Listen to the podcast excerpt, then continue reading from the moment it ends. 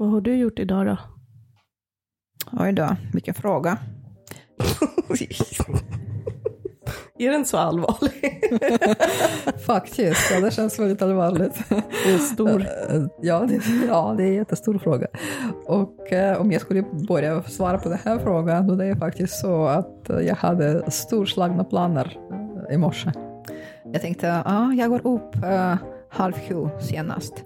Och sen uh, gör jag mina morgonrutiner, dricker glass varmt vatten med citronjuice och, och sen uh, hoppar jag in i skorna och så tar jag väldigt rask promenad, ungefär en timme där någonstans.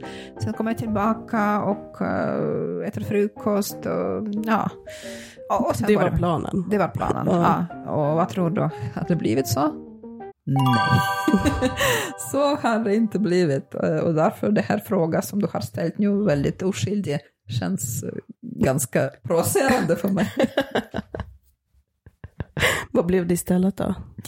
Ja, vad blev det istället? Ehm, jag har varit kvar i sängen eh, lite för länge. Åt frukost eh, lite längre än jag trodde. Det blev ingen promenad, fast egentligen det var inte eh, på grund av mig, utan det var på grund av vädret. Mm, det spöregnade. Ja, um, så det blev inte så. Och sen satt jag bara och uh, arbetade lite, så det blev ingen promenad på morgonen, men det bästa med alltet är att uh, imorgon blir det en ny dag. Mm. Så imorgon hoppas jag jag kan åstadkomma mina storslagna planer som inte blivit till idag. Planen överförs till imorgon. Till imorgon. Ja. Så bra.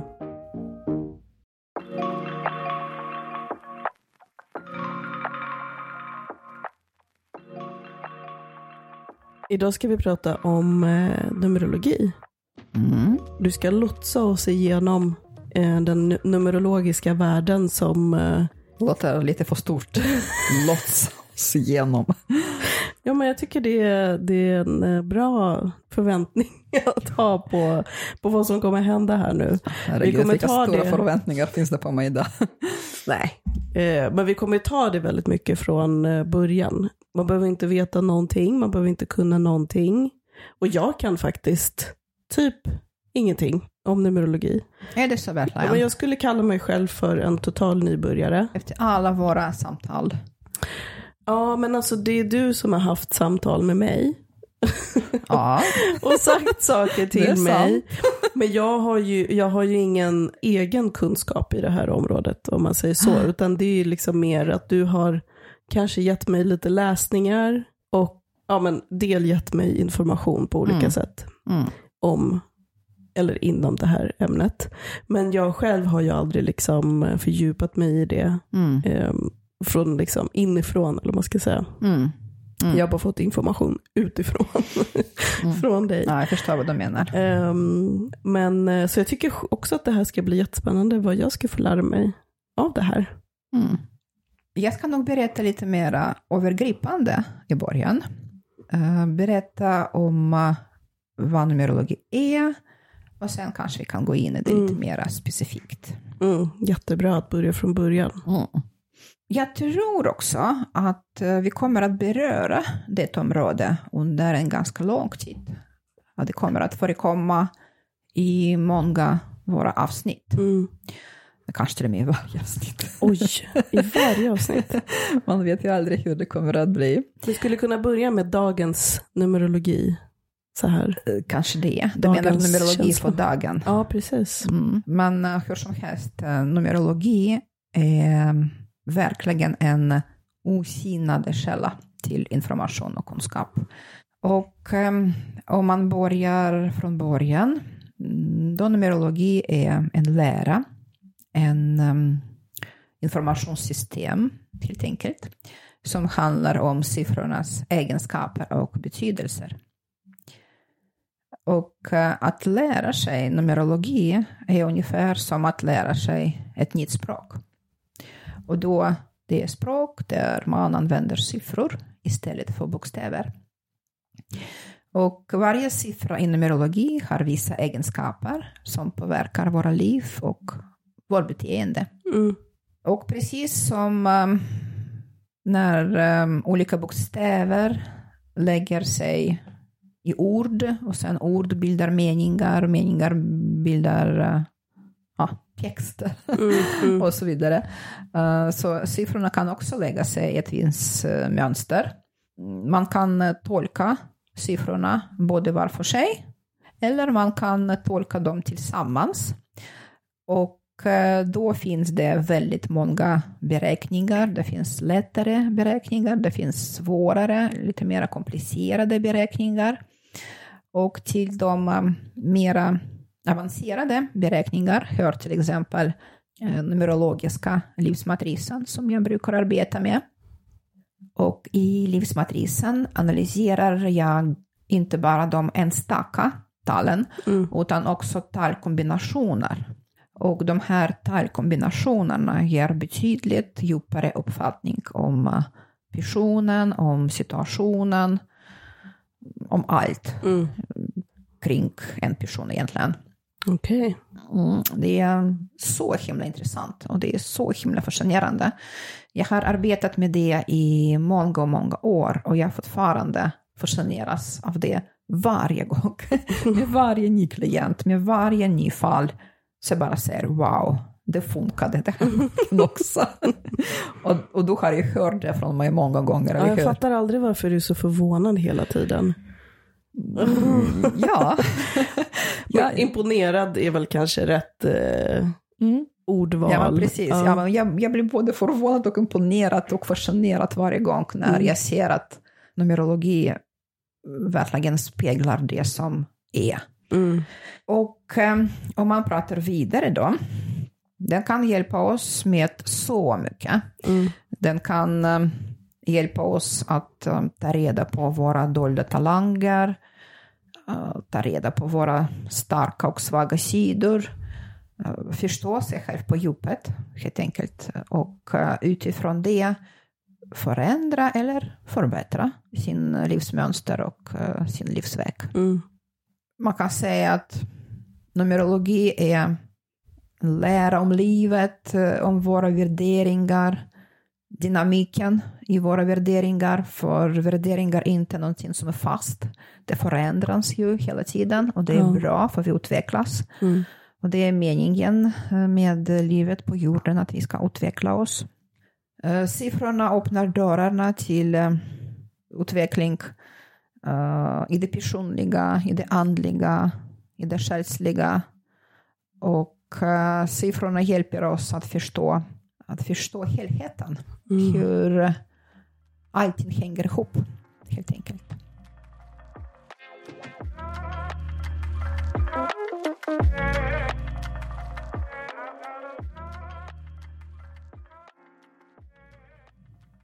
Precis som jag har sagt har siffror en speciell betydelse inom numerologi och var och en är förknippat med vissa egenskaper. Så om vi tar till exempel siffra 1. Den symboliserar ledarskap och uh, självständighet. Mm. Men det är väldigt, väldigt basic. Man kan prata om talet 1 i flera timmar. Mm. Så jag försöker bara sammanfatta det liksom väldigt, väldigt uh, kort. Uh, om man pratar om talet 7, Eh, då förknippas den med eh, andlighet först och främst. Andlighet och mystik. Ehm, men som sagt, det är väldigt allmän beskrivning i stora penseldrag. Om man pratar om eh, numerologi som mm, i stort, då finns det många olika skolor inom numerologi.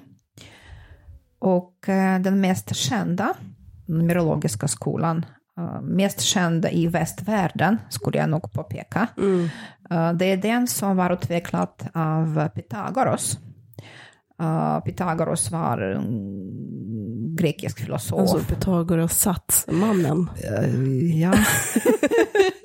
Pythagoras sats, ja precis. Det är, det är, han som ligger bakom Pythagoras sats. Det är ganska intressant att du ser den ju. Eftersom det är, ja, Pythagoras känd för sin Pythagoras sats. Han ligger bakom många olika mm. saker och, inom matematik. Ja. ja, precis, precis. Men mm, jag tänkte precis börja berätta om uh, Pythagoras uh, kvadrat. För att Pythagoras sats har ju något med trianglar att göra. Exakt, ja. exakt. Uh, så det är inte exakt samma sak som, nej, som nej, satsen. Nej. Men absolut bra, du känner till honom. Ja, men gör inte typ alla det? På något sätt. Ja, Pythagoras sats är ganska basic matematik ja. skulle jag ja, precis. tro. Ja. Precis. Geometri. Ja, eller? exakt. Ja. Så om man uh, har gått skolan så borde jag man... som har läst all matte som finns inom uh, grundskolan och gymnasiet. Gjorde du det? Ja. Det här är lite kuriosa, jag har gått i matteklass på gymnasiet. Precis, du har gått matte och data. Matte och data, när jag säger Mm. De gångerna jag berättar det är, är det väldigt chockerande. Och det är ganska kul för jag har en nära vän som eh, vi gick gymnasiet tillsammans. Alltså hon är ännu mer chockerande tror jag när man Oj. tänker på att hon också har gått det här. För att vi båda två är liksom lagda åt ett helt annat håll eh, än liksom eh, det matematiska hållet. Men att studera matematik ger faktiskt väldigt bra grund för mycket annat. Men jag kan ingenting av det där nu. Ja, du behöver inte kunna det. Men kanske något slags logiskt tänkande. Precis, mm. precis. För matematik hjälper till att trampa upp eh, många nya stigar i hjärnan. Ja. Bland annat de logiska. Ja. Så din logik absolut har utvecklats tack vare det. Ja mm. precis. Mm. Uh, och jag älskar matematik också. Matematik uh, var också, och är, en av mina starka sidor. Uh, och det är nog därför um, jag har blivit så intresserad av numerologi ganska tidigt. Ja. Uh, min intresse för numerologi har börjat, gud när började det? Någon gång när jag gick i skolan tror jag. Mm. Där någonstans. Mm. Mm. Men uh, okej, okay, uh, tillbaka till Pythagoras.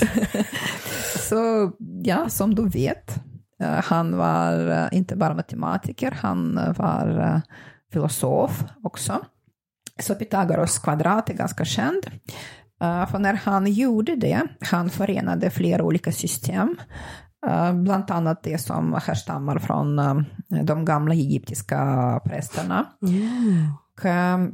Pythagoras och hans lärlingar var bland de första som kunde beskriva karaktärsegenskaperna hos en person beroende på ens födelsetal. Pythagoras tagit denna kunskap som grund, bearbetade och använde sig av eh, en matematisk aspekt då, som var baserad på kvadratens harmoni. Mm. Kvadrater har ju, den har ju fyra mm, sidor mm, mm, som är lika långa.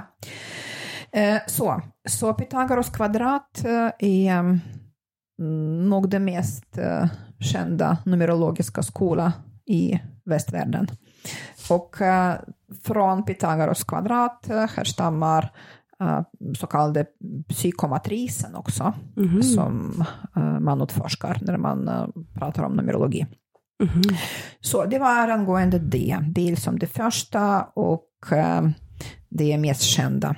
Sen finns det tarot, numerologi. För att prata lite mer om tarot, då kan man säga att tarot är en lära som förmedlar information om världen. Mm. Precis som numerologi. Men numerologi förmedlar information eh, om världen och människa eh, genom siffrorna. Och tarot eh, förmedlar informationen genom bilder och symboler. Men siffrorna också finns i tarot. Ja, precis. Så symboler, bilder och siffror är förenade i tarotkort. Mm. Så varje kort har samband med ett nummer och um, avkodning av dessa nummer i personens födelsedatum hjälper att förstå personens uh, livsväg. Mm. Så när man använder tarot tillsammans med det klassiska numerologi kan man få ännu mer information om personen och dess väg mm. i livet. Sen finns det också vedisk numerologi. Och den vediska numerologin har um, väldigt starkt samband med astrologi. Och den tolkar siffror och deras betydelse utifrån planeter. Just det. Och planeternas mm. egenskaper. Mm. Vi kommer nog att prata mer om vedisk numerologi lite längre fram. Ja, det är ett ämne som är rätt stort och tillsammans med vedisk astrologi också. Precis. Precis. Mm. Jag använder mig av flera numerologiska skolor samtidigt. Och eh, det ger möjlighet att få olika synvinklar, helt enkelt, som hjälper till att skapa en flerdimensionell bild av personen eller situationen. Mm. Så det är bara en fördel att kunna de olika skolorna.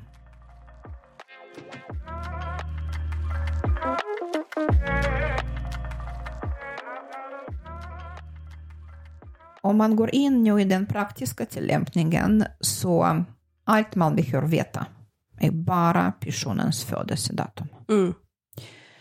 Och det är den som ligger i grunden till all uträkning. För att få reda på mycket och gå in på djupen behöver man såklart göra, göra lite flera uträkningar. Mm. Men det finns också grundläggande tal, bastal.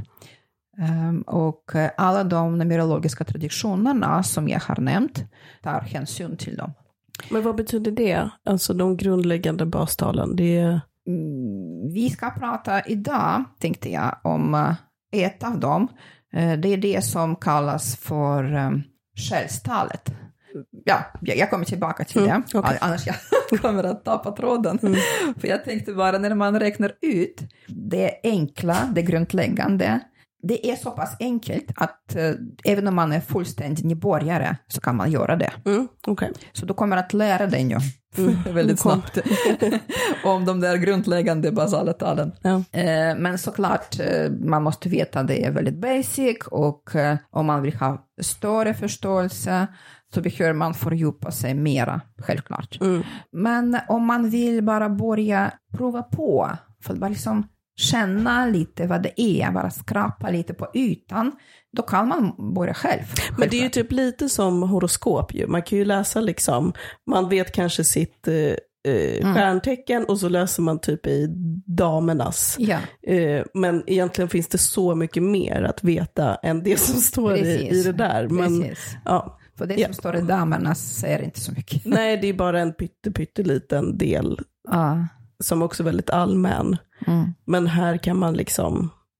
Precis, så precis som sätt. i astrologi, ja. vill man verkligen veta någonting om sig själv, vill man gå in på djupet, då går man till en astrolog. Ja. Självklart. Mm. Så om vi backar bandet och går på de grundläggande tal, och då kan vi prata om ett av de mm. primära talen. Mm. Och det är så kallade själstal. Eller man um, brukar kalla det också för det jordiska passet. Ja. det finns ju olika benämningar för mm. de här talen. Um, jag vill inte belasta dig nu med de där benämningarna mm. nu, så jag kommer att kalla det bara för själstalet ja. i fortsättningen. Och detta tal påverkar oss genom hela livet, från födelse till döden. Men mm, påverkan är som starkast till ungefär 30-35 kanske 40 års ålder. Mm. Men, men som sagt, även efter 40 års ålder den fortsätter påverka oss. Okay. Men just när vi utvecklas, när vi befinner oss i utvecklingsstadiet, när vi mm. uh, känner på vad livet är, liksom, uh, mm. går utbildningar, skapar relationer, skapar mm. familjen. Uh, det är då det här talet påverkar oss som mest. Mm. Och uh, självstal, den beskriver egenskaperna som vi arbetade med tidigare. Och då med tidigare menar jag i våra tidigare liv. Mm.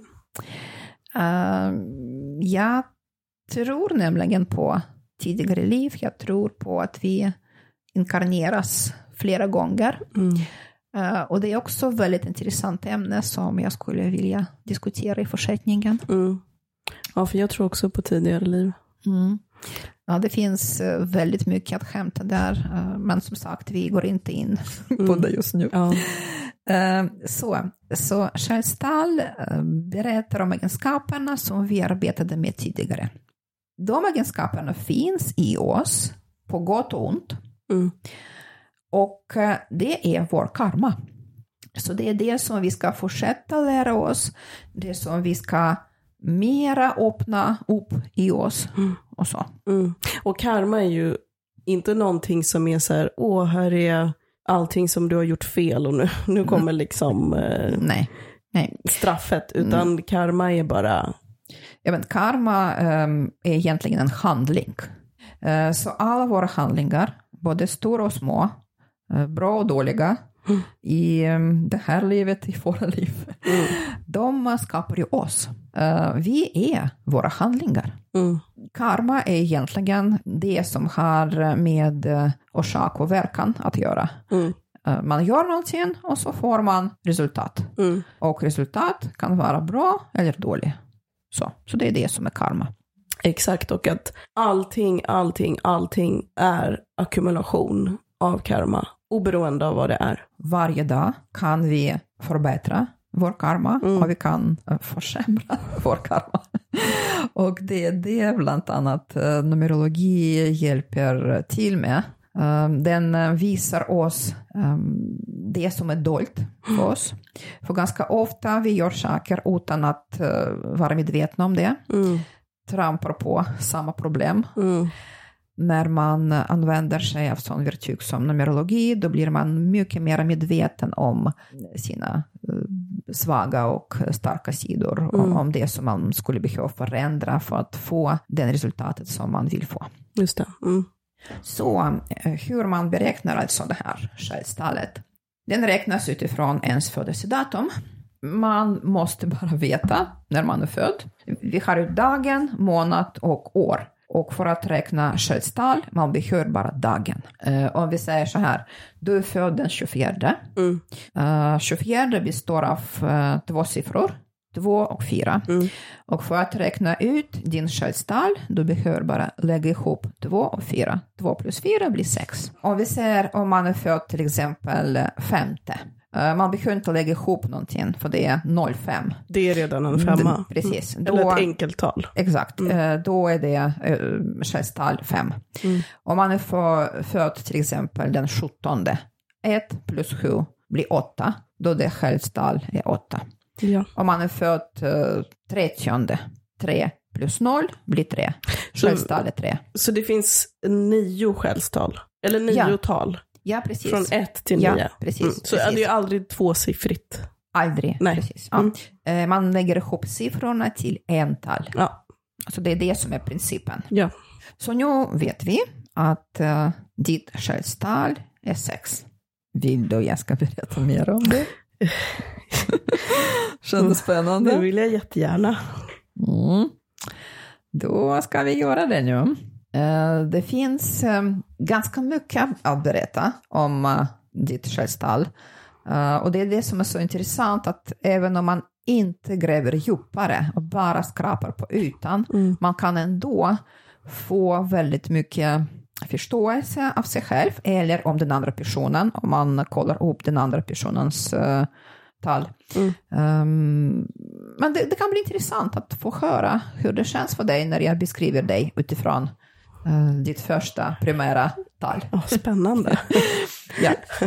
Nu ska, nu ska ni få höra ja, precis. vem jag är. uh, men uh, det är viktigt att poängtera att nu när vi pratar om talet sex, det mm. gäller såklart inte bara dig, min dotter, utan det gäller alla er där ute. Ja, men då ska vi se. Det är alla som är födda sjätte, Sjätte. Det är alla som är födda femtonde, mm -hmm. 24. Mm -hmm. Exakt. Det är väl det. Exakt. Exakt. Yes. Eh, och sen i våra kommande avsnitt kommer vi prata om flera tal. Mm. Håll till godo. ja. till flera tal. Men nu är det själstalet. Ja, själstalet. Exakt.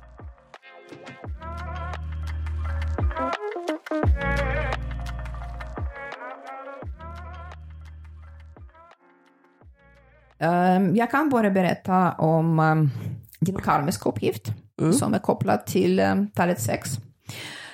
Och då huvuduppgiften uppgiften för alla sexor är att lära sig att bygga relationer. Mm. Att läsa sina partner. Ni sexor måste kunna utveckla förmågan att eh, lösa olika konflikter.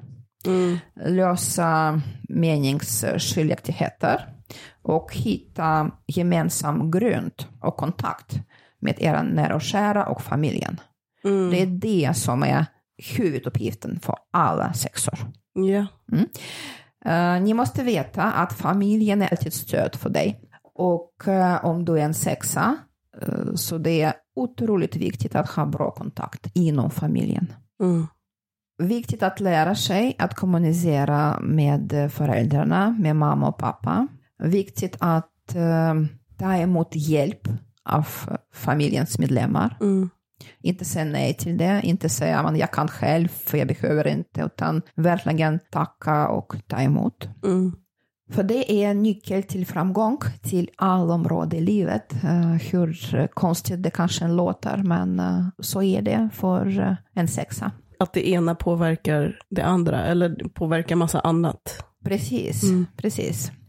Ni sexor, ni behöver en partner för att ni är väldigt uh, känslomässiga och romantiska. Mm. Så ni behöver en, part, en partner mycket mer än uh, många andra tal. Och att dela med sig till uh, sina partner um, av allt som är kärlek är väldigt, väldigt viktigt, för det är det som är syftet. Mm. Och um, kärlek kan, vara, kan betyda olika för olika människor. Mm. Och uh, sexorna har kommit till jorden bland annat för att lära sig mera om kärlek.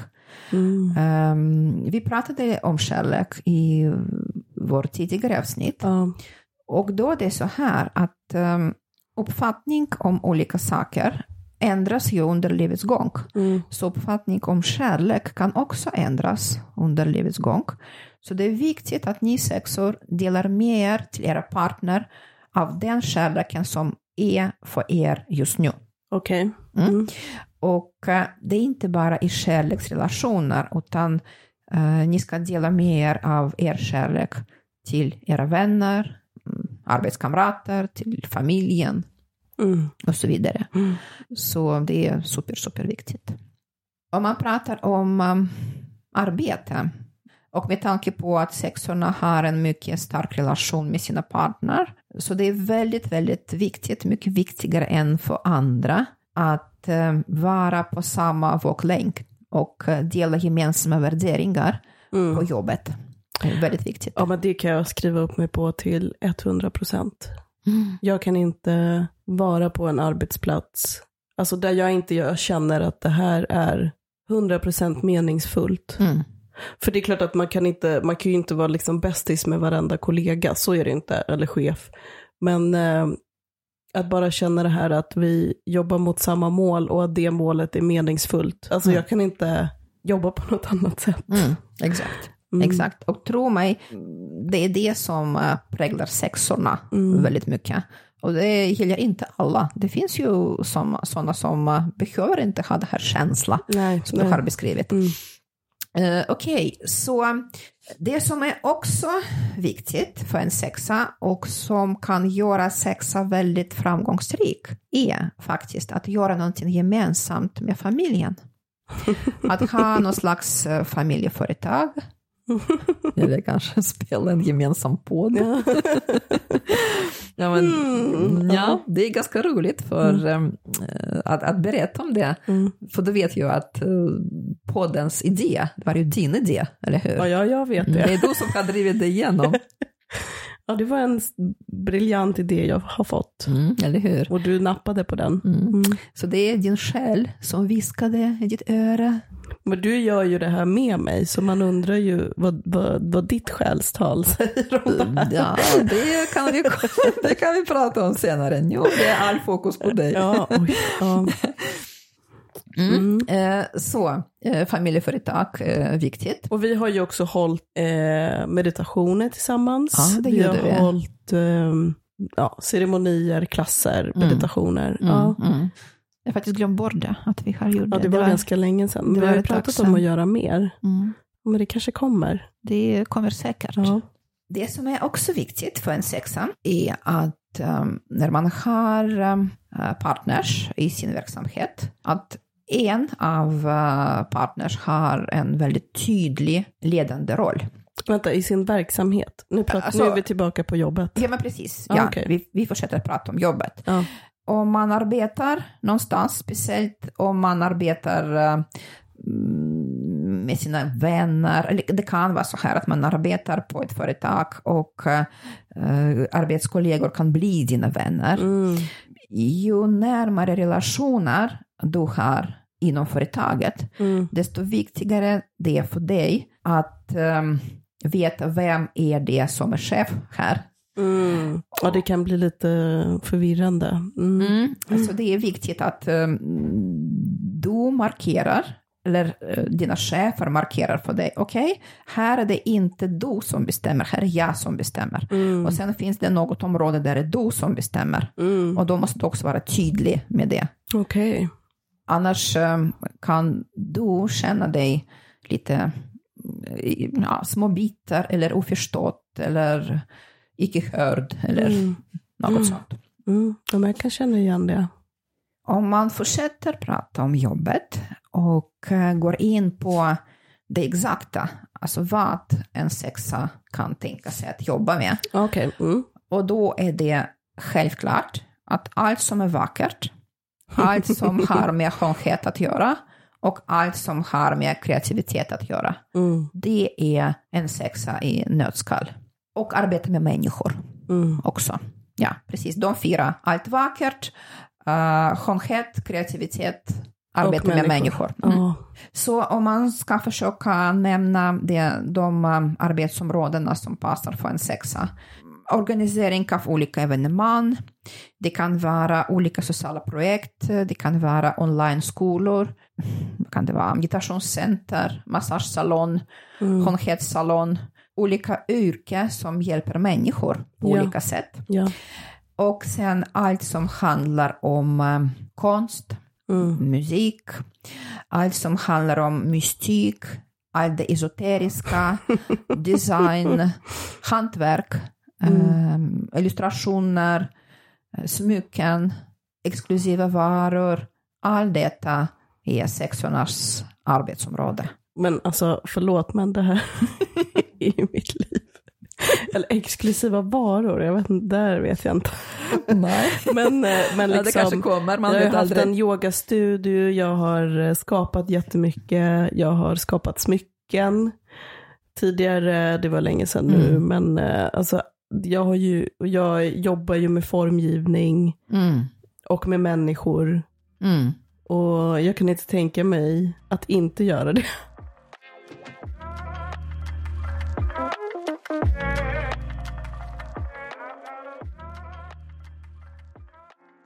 Mm. Eh, om vi går vidare på styrkor och svagheter. Mm. Um, sexorna har uh, otrolig karisma, väldigt stor attraktionskraft.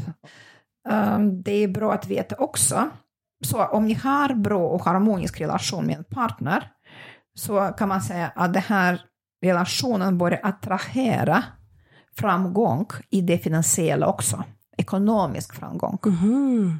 För att lyckas med jobbet, lyckas med karriär, lyckas med uh, pengar helt mm. enkelt, så ska en sexa först och främst lyckas med en harmonisk relation.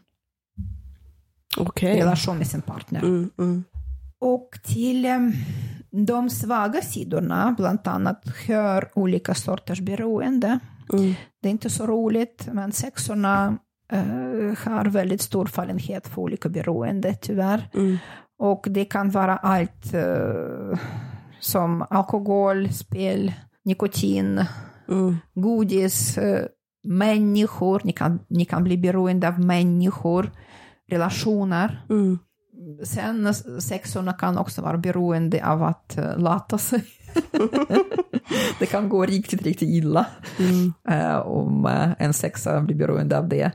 Uh, sova älskar ni. Alltså sova det är ju bra i och för ja, sig, ja. men ni har väldigt stark tendens till överdrift. Överdrift, precis. Mm. Ja, men det kan jag känna igen också, att när det kommer till beroende, att jag har alltid vetat att jag har en sån ådra och att det helt enkelt är så att det finns platser jag inte ska besöka i mitt liv mm. och det finns saker jag inte ska prova i mitt liv för att det skulle inte vara så enkelt för mig utan att jag har uh, inte kunnat vara så äventyrlig kanske med vissa saker. För jag vet att det kommer liksom inte gå bra. Mm. Precis. Men du har lärt dig genom erfarenhet, eller hur? Ja, men till viss mån. Till viss mån har jag också bara vetat att det är så och därför hållit mig borta. Okej. Okay. Mm. Mm. Men du har För jag vet att stark intuition? Ja, det. men precis. Jag har, jag har alltid vetat på något sätt att så här, det finns platser jag bara inte ska besöka för jag vet att jag kommer gilla det för mycket. ja. Alltså så. Jag förstår precis vad du menar. Um, att jag skulle mata någonting jag inte vill mata om man säger så. Ja, och det är mm. det som är beroende. Ja, precis. Ja, precis. Mm. Så det är viktigt för dig och det är viktigt för alla sexor där ute att hålla sig själva i schack helt mm. enkelt och uh, dra ut sig ur all beroende i tid. Ta tid och utrymme att checka in med sig själv. Mm. Och uh, inte skippa den biten. Ja, men för mig är det via yogapraktiken som jag har och via skrivande. Mm. För någon annan kanske det är någonting annat, men att man har den liksom det lilla mötet med sig själv som checkar en just. Mm. Mm. Mm. Nu ska vi försöka gå in lite djupare. Yeah. Um, jag har redan nämnt det innan, mm, men nu vill jag förstärka det verkligen, att uh, ni sexorna kommer till sin rätt genom kreativitet. Mm. Det är superviktigt för er. Och det finns um, någonting i er som, som gör att ni delar, delar hela världen till två delar. Bekvämt eller inte bekvämt. Din ande alla sexornas hand har skickat er till jorden för att ha kul. Det här är faktiskt ett lux. Det är en stor privilegium som ni har. Mm. Och ni har ofta kul. Det serveras er nästan på löpande band. Liksom. Mm. Men eh, systemet funkar på det här sättet att just när en sexa vill bara ha kul och väljer allt i sitt liv bara utifrån det, då mycket i en sexans liv kan gå fel. Det är också lite grann om beroende. Ja, det hör lite ihop. Mm. Så alltså om ni tänker så här, ja ah, men det är kul och då gör jag det. Och sen tänker, ja ah, men det här är inte kul, jag gör det inte. Mm. Om en sexa tänker så här, då går sexan väldigt lätt i en negativ spiral. Just det. Det där är lite tudelat för att å ena sidan så är det såklart att livet handlar inte bara om att ha kul, för ibland måste man typ så mm. momsdeklarera också mm. och så vidare. Mm. och göra... Känner du starkt motstånd mot det? Jag känner starkt motstånd mm. mot det, men jag tror också med tiden så oavsett vilka obekväma saker det handlar om, om det handlar om något så banalt som eh, administration eller mm. obekvämt på mm. andra sätt, så finns det ju ett sätt att öva upp sin förmåga att vara med obekväma saker. Mm. Samtidigt, varför jag säger att det är tudelat, så är det för att det är väldigt viktigt för mig, det kanske handlar om en annan aspekt av mig, men att göra det som gör mig glad och lycklig inifrån. Mm. Å ena sidan så är det såklart att man måste utföra jättetråkiga uppgifter. Mm. Å andra sidan är det så här, jag ska inte ägna mig åt sånt som inte gör mig genuint lycklig. Mm. På det stora hela. Sen kanske liksom någon procent av ens tid kommer ju såklart vara trist bara för att man måste. Mm. De måste eh. ta det, de måste förstå att det trista hör också till ja, livet. Och där måste man bara acceptera mm. och att vara obekväm eller att vara uttråkad eller vad det än kan vara. Men att för mig är det så, så viktigt att jag liksom jobbar med någonting som, ja, men som jag sa tidigare, meningsfullt, att det liksom lyser upp mig inifrån, att jag känner en lust och en mm. längtan. För att om jag inte skulle ha den där grundläggande drivet så skulle jag bara gå under. Mm. Jag förstår det precis. Mm. Och jag förstår dig både som en dotter och uh, utifrån det numerologiska perspektivet. Mm. Och här kan jag bara poängtera igen, väldigt viktigt att du inte frossar i det. Det är jättebra att du känner det drivet, att du känner att det lyser om dig och att du älskar det du gör, men du ska inte frossa i det. Du ska inte ha för mycket av det goda. men jag har ibland också funderat på det där, det här kanske är en lite annan aspekt av det hela, men kring inspiration. Mm. Och inspiration är kul. Det är kul att känna sig inspirerad, mm. man skapar mm. och man gör grejer och sådär. Mm. Men inspiration är också sånt som inte alltid finns där. Mm. Eh, och man kan, det kommer inte heller på beställning. Eh, och ibland finns det perioder där man bara känner sig oinspirerad och blä bara. Mm. Mm. Av en massa olika anledningar. Och det har för mig påverkat jättemycket hur jag skapar. Att jag skapar när jag är inspirerad och när jag inte är inspirerad så har jag svårt för att i, göra någonting. Men där är det ju jätteviktigt för mig vet jag, att jag skapar i alla fall. Exakt. att jag inte bara väntar på, det är lite som motivation också, att motivationen kommer medan du håller på. Och inspirationen kan också komma medan du håller på. Och att man kanske inte alltid kan vänta in den. Mm. Ibland behöver man vänta in den, men ibland behöver man bara så här, men jag bara kör och så blir det som det blir och det blir bra. Mm.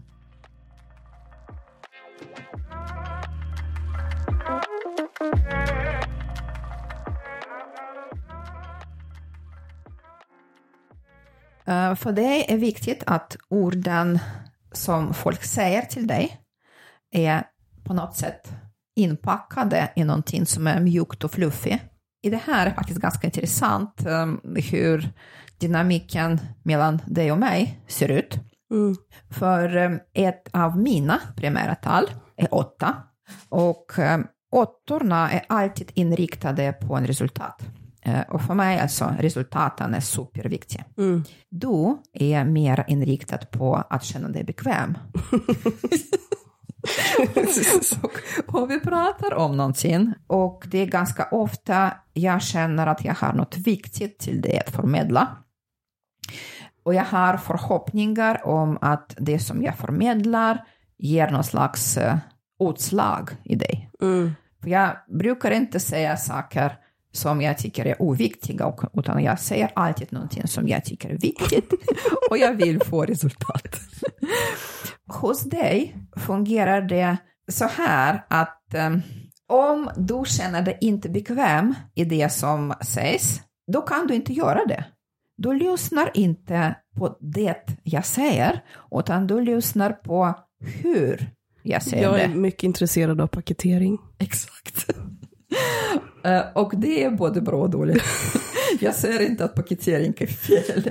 Fin paketering är alltid bra. Men det är ändå innehållet som är det viktigaste. Och paketeringen. Ja, du, du hör, mjukt och fluffigt ska det vara alltså. Nej, det måste inte vara mjukt och fluffigt. Det, det, kan vara paketerat, väldigt raka ord och så vidare. Men det är lite tilltänkt bara mm. hur det ska tas emot. Mm. Lite målgruppsanpassat så att säga. Mm. Ja, så där krockar det lite grann då. Ja. För jag fokuserar så mycket på att förmedla min kunskap, förmedla budskapet. Mm. Och uh, jag har så mycket fokus på det att jag tänker inte på hur jag förmedlar det. Nej, du bara... Jag bara kör. jag bara kör, ja. Och uh, det som är intressant är att man ser ju att vi lever i en matris, eller ja, det finns ett visst system liksom runt mm. om oss människor. Man kan kalla det på olika sätt. Men eh, eh, det här systemet funkar så att samspel mellan en åtta och en sexa ser ut på det här sättet. Mm. Men så, så, så du det, ska... det, det, är inte bara du och jag som kan eh, hamna i sån problematik, Nej. utan alla åttor och sexor kan uppleva samma mm. i den gemensamma dynamiken. Så du behöver lära dig mer om paketering. Och vad du behöver lära dig då? Och jag behöver lära mig mer om att eh, se kärnan i saker och ting. Exakt. Inte hela tiden sträva till det här bekväma. Mm. För det är viktigt att inte vara stressad. Och när du är utsövd då blir du lugnare. Mm. Du känner dig mycket mer harmonisk inombords. Uh, du känner att du är i komfort. Och när du är i komfort, när du är i harmoni, då flödar du maximalt. Mm. Och för dig och för alla sexor, det är superviktigt att ha en lugn miljö runt omkring sig och inte stressa. När en sexa befinner sig i sitt kreativa flöde mår både sexan bra och hennes omgivning mår också bra. En sexa har väldigt mycket samspel med sin omgivning. Mm. Och eh, om din omgivning tillåter dig att kreera och inte trycker ner dig, och gör att du inte behöver känna motstånd, för du är obekväm liksom, med situationen och vill liksom bara ha taggarna utåt. För du kan ha det lätt, som sagt, om du inte känner dig bekväm i situationen, då kan du känna motstånd och envishet. Så om din omgivning tillåter dig att göra det, eh, och inte kräver någon slags ansvar från dig, för mm. du kan inte erbjuda jättemycket ansvar. Då skrattar jag, förstår Nej, men jag, tror, men, jag, men jag tror faktiskt att det är helt sant, för jag tror inte att kreativa människor, det är klart att kreativa människor kan vara ansvarsfulla människor, det är inte det jag vill säga. Mm. Men jag tror att ju mer kreativitet som får utrymme i en själv, desto bättre behöver man bli på att delegera bort mm. saker som inte är en styrka. Mm. Precis, så det är bra att din omgivning kan lite grann åtminstone försöka ha lite överseende till den biten av dig som inte är så ansvarsfull. uh, inte trycka ner dig för det, mm. utan låta dig vara i ditt kreativa flöde. Mm. För om du är i ditt kreativa flöde så mår du bra och då kan du förmedla din kärlek till din omgivning på det allra bästa sättet. Och då omgivningen mår bra också. Mm, absolut. Ja. Ja, men det är precis som med allting annat, att man behöver hitta sin egen balans. Mm. Och för någon så ser det ut på ett sätt och för någon annan på ett annat sätt. Och man får liksom hitta sin grej mm. och sitt sätt. Eh, och det är väl ett evigt utforskande för de allra flesta av oss. Mm. Och man hittar sina sätt och man kanske hamnar i konstellationer som funkar bättre, som funkar sämre och så mm. liksom tar man det lite pö om pö. Mm. Ja, helt enkelt. Men eh, jag tror också att det finns en stor styrka i att vara väldigt rak och öppen och berätta för sin omgivning att det här är inte min styrka. Mm. Eh, det här är min styrka, så om jag får göra det så här och så här, då kommer jag bli bättre på det här och det här och det är det här jag kan bidra med. Mm. Men jag tror tyvärr att i vår värld just nu och inte minst på liksom arbetsplatser så ska man vara allt. Man ska kunna det ena och det andra och det tredje och du ska projektleda alla andra och dig själv. Världen gör oss en otjänst. Mm. Och även om det är så det ser ut så behöver vi bli ännu bättre på att checka in med oss själva och komma ihåg vad som är viktigt och vad som är vad.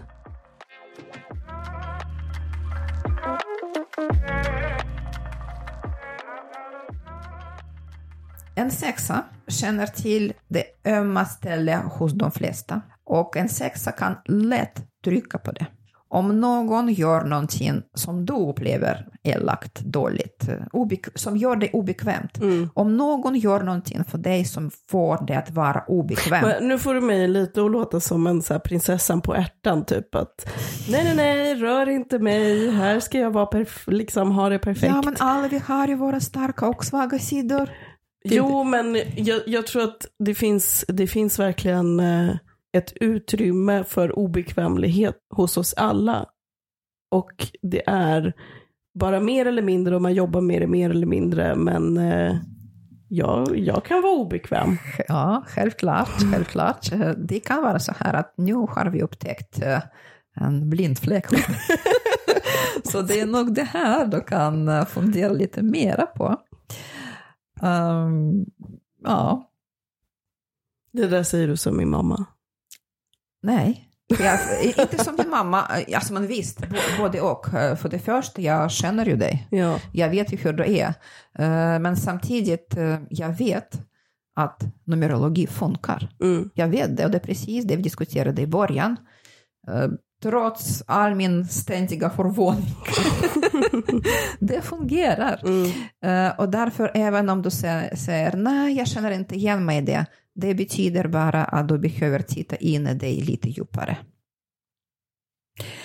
Uh, och uh, det är så här, jag pratade nu lite om um, de där ömma punkterna som du känner hos de flesta.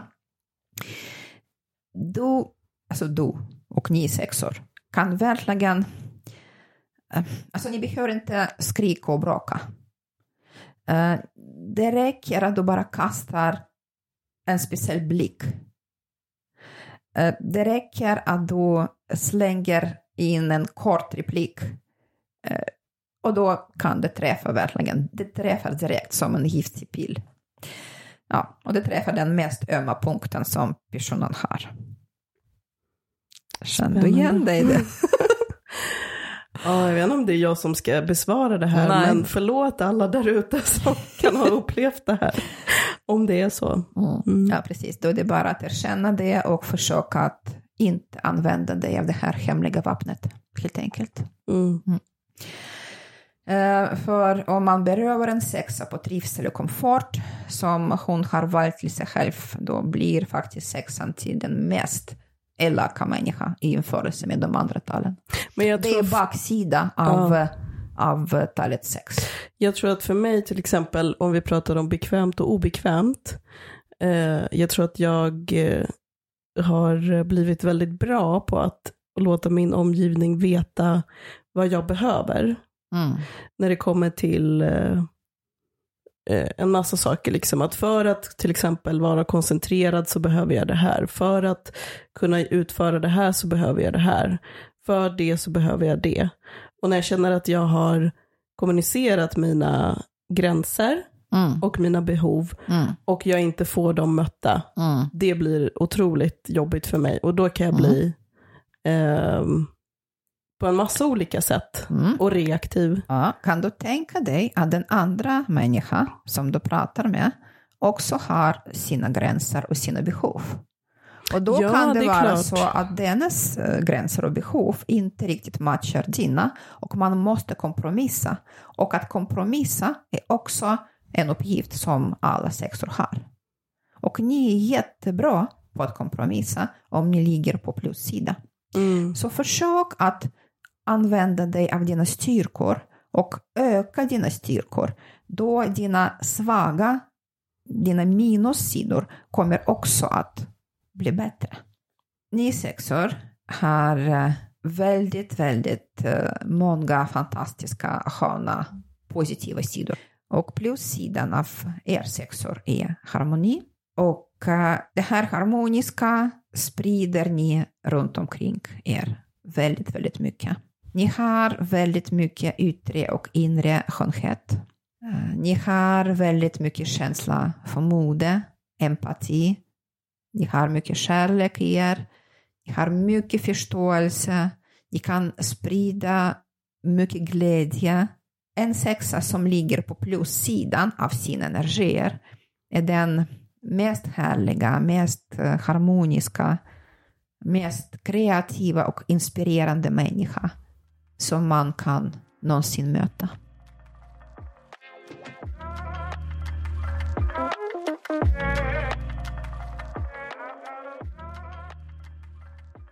Okej, så för att summera lite grann för oss sexor då de positiva bitarna, eller det som mm. ge, ger oss mer, mm. är mm. att vi ska lägga lite mer energi och kärlek in i våra relationer mm, och jobba mm. på våra relationer, vilket kommer att ge en positiv effekt på ja. flera delar av oss. Ja, absolut. Att vi ska ge energi till kreativa uttryck, Mm. Så att det kan ge en positiv påverkan mm. på flera delar av oss. Att vi ska vara försiktiga med vad vi kan tänka oss vara beroende av.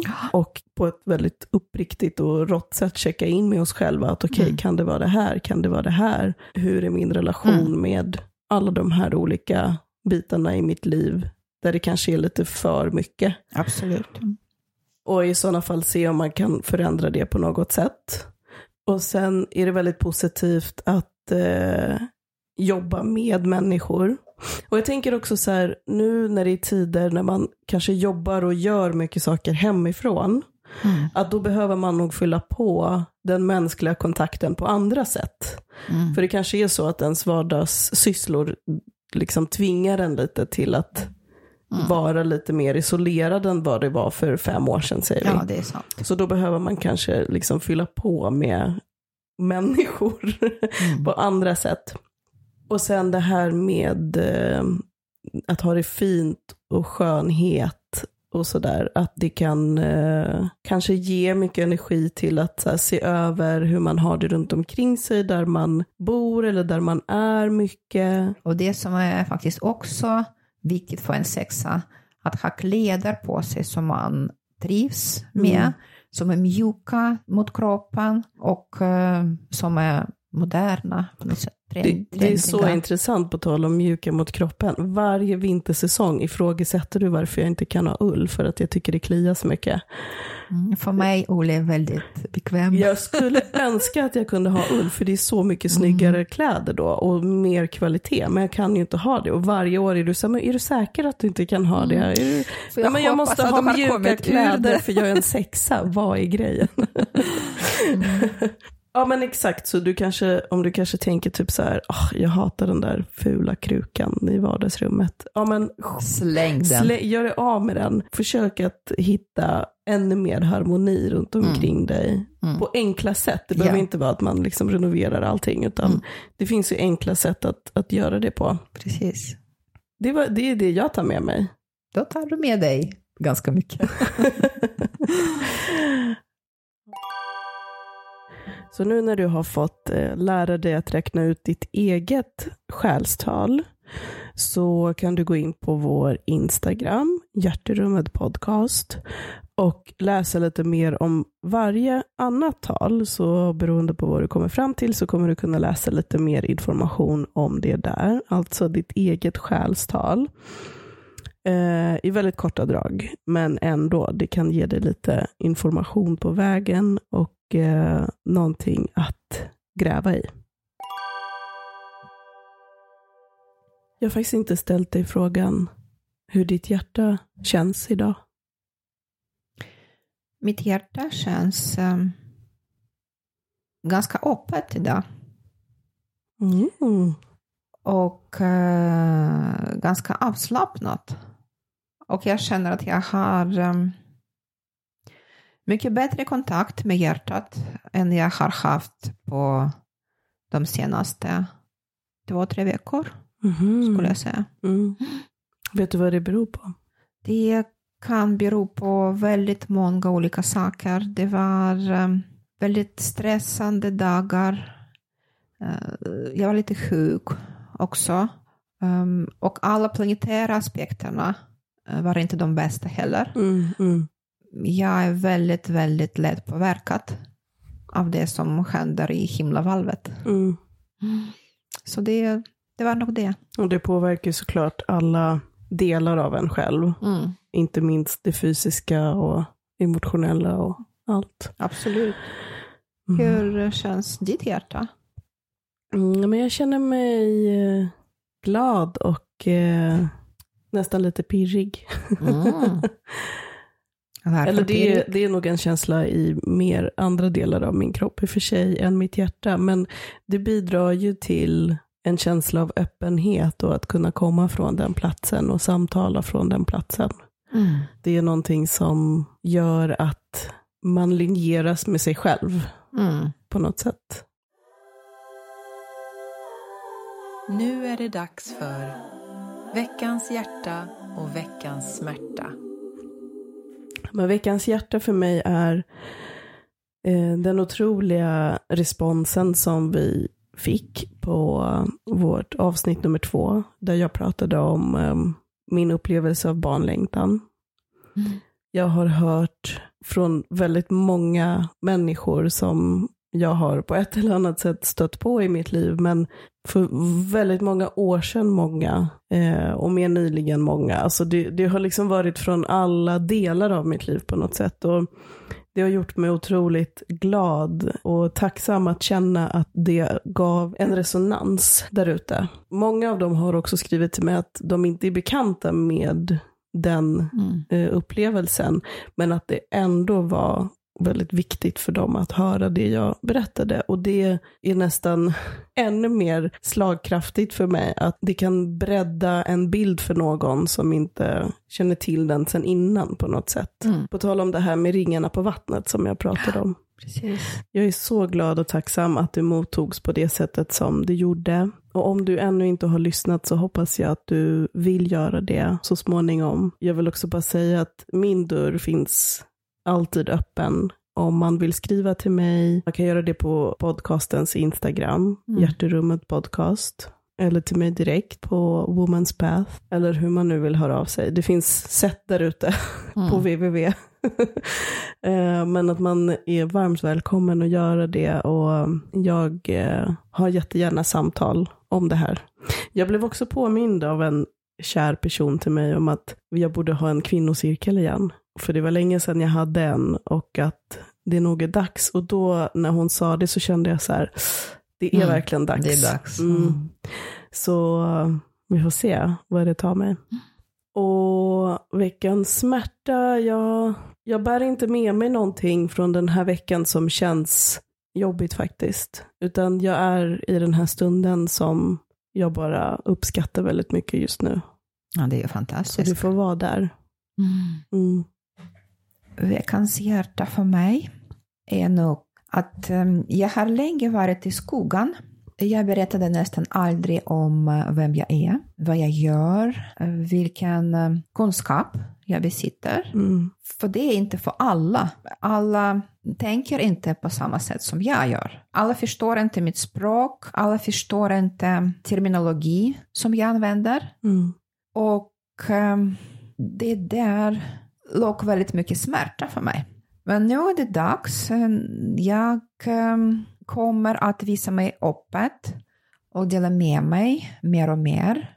För det känns uh, viktigt uh, i den tiden som vi lever nu. Verkligen. För vissa kommer det att verka nonsens, kan jag tänka mig. För andra kommer det att kännas fantastiskt och mycket välkomnande. Mm. Så nu är jag här, på den här platsen som jag är, som jag är på nu. här är hjärta för mig och smärta för mig. De går hand i hand. Mm. Och um, jag har fortfarande rädsla, måste jag säga. Jag har fortfarande rädsla i kroppen att uh, höras och synas. Och det var uh, ett av mina största utvecklingsområde och eh, det var en kamp för mig genom livet att våga synas och höras. Mm. Men nu gör du det. Nu gör jag det. Så fint att se dig göra det och att du vågar ta det. Tack. Och, att Tack, du, mm. och nu är det nya tag. Nu är det nya tag. Mm. Okej. Okay. Tack för att du har lyssnat på Hjärterummet idag. Tack att du har varit med oss. Och vi hörs nästa vecka igen. Hej då!